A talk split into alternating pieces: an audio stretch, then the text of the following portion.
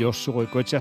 Zemuz? Oso baikor, ondo, ondo. Ongi, ez da? Azten ondo dagoen. Vale, Marokora goaz, ez da? Poesiaren bitartez. Ez dakit ezagutzen duzun zuke Maroko. Jo, Naiz ni- sekula izan eta pendiente nintzen. daukat horre Bai. joan beharreko tokien zerrendan Ba, daukate. Ni duela urte batzuk egon nintzen, eta jo, herri eta kultura guztiz ber- desberdinak aurkitu eh, nituen, eh, begiak ireki zitzaizkidan. ez da? Eh. Eh, Munduaren zabalera zohartu nintzen, eta eh, bueno, koloreaz, eta kolore desberdinez, eta usain desberdinez. Mhm. Bueno, gatozen gaurko liburura. Mm, Begitu, eh, joera handia dago gaur egun, dut, behar bada, joera ona da, egokia da. Poema liburuetan liburua os, liburu osoa gai nagusi baten bueltan egitekoa. Mhm. eh? Hasita buka, gai baten, bere aldaerarekin, baina gai baten bueltan, ezta? Bai. Eh, Arriskutsua izan liteke auto hori, ba, liburua ba, errepikakorra bihur daitekelako Mm. irakurlearentzat. Bueno, ez da gaurko liburuaren kasua. Aintzane galardi eh, poeta oiartzuarraren mendafin usaineko iluntzeak liburuak Marokora egindako bidaia bat dauka kontakizun. Eh, Esan daiteke eh, bitakora kuaderno bat dala, bidaia liburu bat, olerkietara ekarrita. Mm? Beraz, gaur bidaian eh, abiatuko gara. E, 2008an atera zuen ere inargitaletxeak lan hau, e, galardik, ba, Blas de Otero olerki saria irabazi ostean. Bueno, oso era bizi eta ederrean deskribatzen ditu galardik, Marokoko paisaiak, usainak, jendea, batez ere jendea, Mhm. eta bere pentsakizunak eta bizipenak. Eta gainera, liburuan han eta hemen egilearen beraren eh, marrazkiak ageri dira. Eh? Olarkiak laguntzen. Beraz, bitakora kaieraren espiritu eh, oso oso oso sakona dauka. Mhm. Oso liburu polita da. Eh? Polit izen onduaren adiera onenean. Konforme. Eta ba, olarki batzuk irakurriko ditut, ondo bat dituzun. Ba, osongi. Bueno, demagun turista, Europatik eh, Marokora iritsi dela Marraketxera. Mhm. Lehen eh, txangotako batean, Atlas mendikateko asni herriko azokara iritsi da. Jendea, turistak eta herritarrak nahasian. Eta baita ere, herriko aurrak. Hau da, asniko mendi azoka.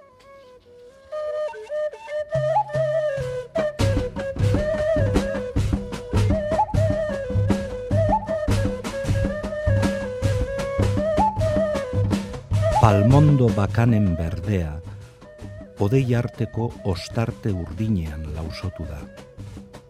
Turisten kolore biziak, herritarren txilaba zurietan. Orduan azokako kolore, usain eta hotxen esploratzaile izendatu dut neure burua. Tesi eta antitesi absolutuen baliogabetzea dakar. Zalantzarik gabe, instantonek. Tapizak, larrukiak, fosilak, lurrinak, esentziak, kanela eta mendafinaren usain eztiak. Jendearen iskanbila eta saltzaileen intziriak, guztiak saskiratu ditut. Zoriontasunaren osagaiak direlako. Baita segika dudan neskatuaren begiak ere.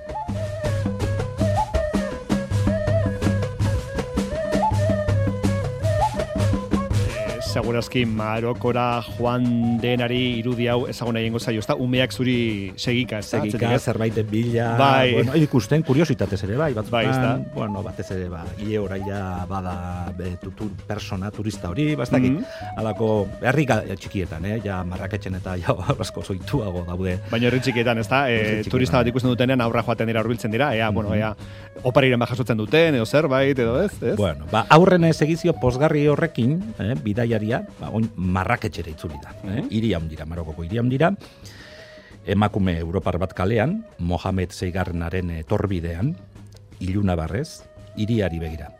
Oraingoan aurrek ez, gizonak hurbilduko zaizkio. Mm? Alaxe kontatzen du esperientzia, galardik. Hau da, Avenue Mohamed VI.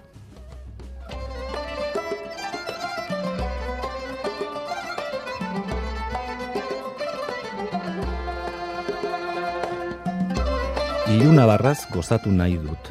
Bapateko flashek busti nazatela. Eserleku honek margotu berria dio. Bidea gurutzatu eta antxe nengoke lasai, Mohamed etorbidetik pasaeran diren guztiei behatuz.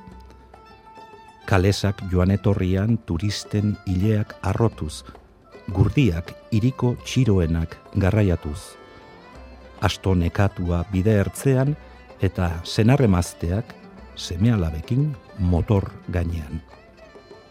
Ez dut zapipean ezkutatu nahi, baina zapirik gabe mandeuliak dira inguruan gaur.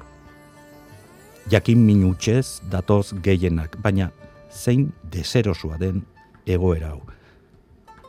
Bigarrenaren begiak nire azalean paseatu dira. Hirugarrenaren titiak, hirugarrenak titiak esploratu dizkit. Laugarrenak Aristoteles onasi zen antzadu eta kafe batera gonbidatu nahi nau. Ken itzazu zuen minutuak nire denboratik esan nahi nieke aserre, baina barkatazue, bakarrik egon nahi dut, esan diet guztie isuabe.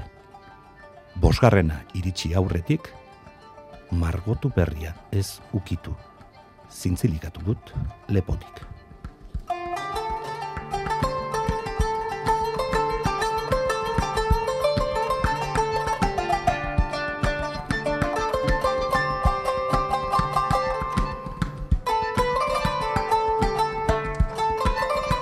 Ari gara aintzane galardiren olerkiak, poesiak irakurtzen josu, mm pixkanaka, egunen joan etorrian, e, bidaiari poeta badoa herri arrotz horren bizimoduan murgiltzen ez da, gero eta bereago egiten bai, herri aldea ez da. Ezagutu duango jendea, eta ikasi ditu haien izenak, eta sartu da haien etxeetan, eta horietako batean, tearen zeremoniak liluratuko. Tearen zeremoniak. Nik ez dakit inoiz probatu duzu herri arabiarretako tea manu. Ez. Nik aukera izan duen, eta oso nina oso tezalea, baina probatu nuen, eta bueno, egia da, denpora hartzen dutela prestatzen, oso olerkian azalduko da, mm. denpora asko hartzen dute prestatzen, eh, odelantzetik batera bestera botatzen, oso, eta oso gozoa da, oso, eta mendafinarekin egiten dako, bate edo infusio bat, bai. e, ikus izango dugu orain e, deskribagai.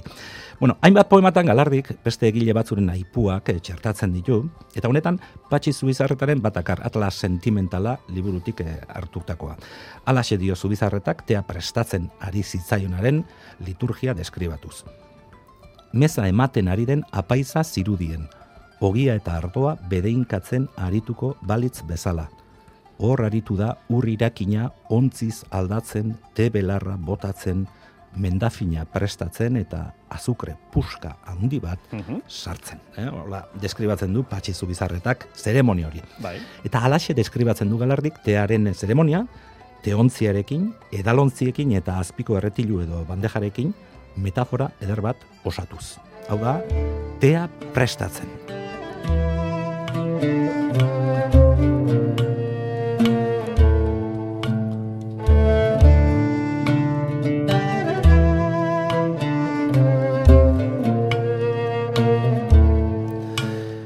Begiratuz gero, unibertso osoa ikus daiteke Zara Andrearen erritualean.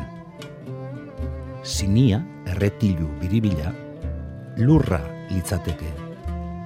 Teontzia, euria daraman odeia. Andrearen esku tatuatuek batzen dituzte zerua eta lurra.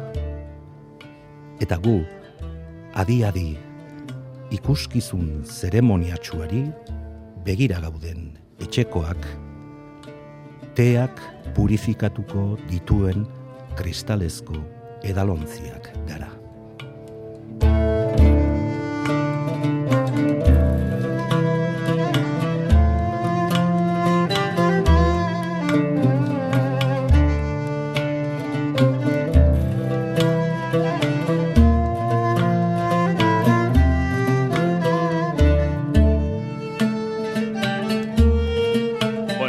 Besatzen Josu mm. gure entzuen artean izango da baduño gehiago Marokon egondakoa e, sekula joan ez entzat, izan daiteke hau Marokora hurbiltzeko modu bat, ez da? Aintzanaren liburua berreskuratzea? Bai, bueno, e, ara joan ezkero eta liburu hau eskutan hartu, nik uste dut lagungarri izan ditekela hango bizimoduak, hango ikuskerak eta hango, hango perspektiba hartzeko, ez da? Uh Aintzane galardi eta bere liburua Mendafin Usaineko ilontzeak.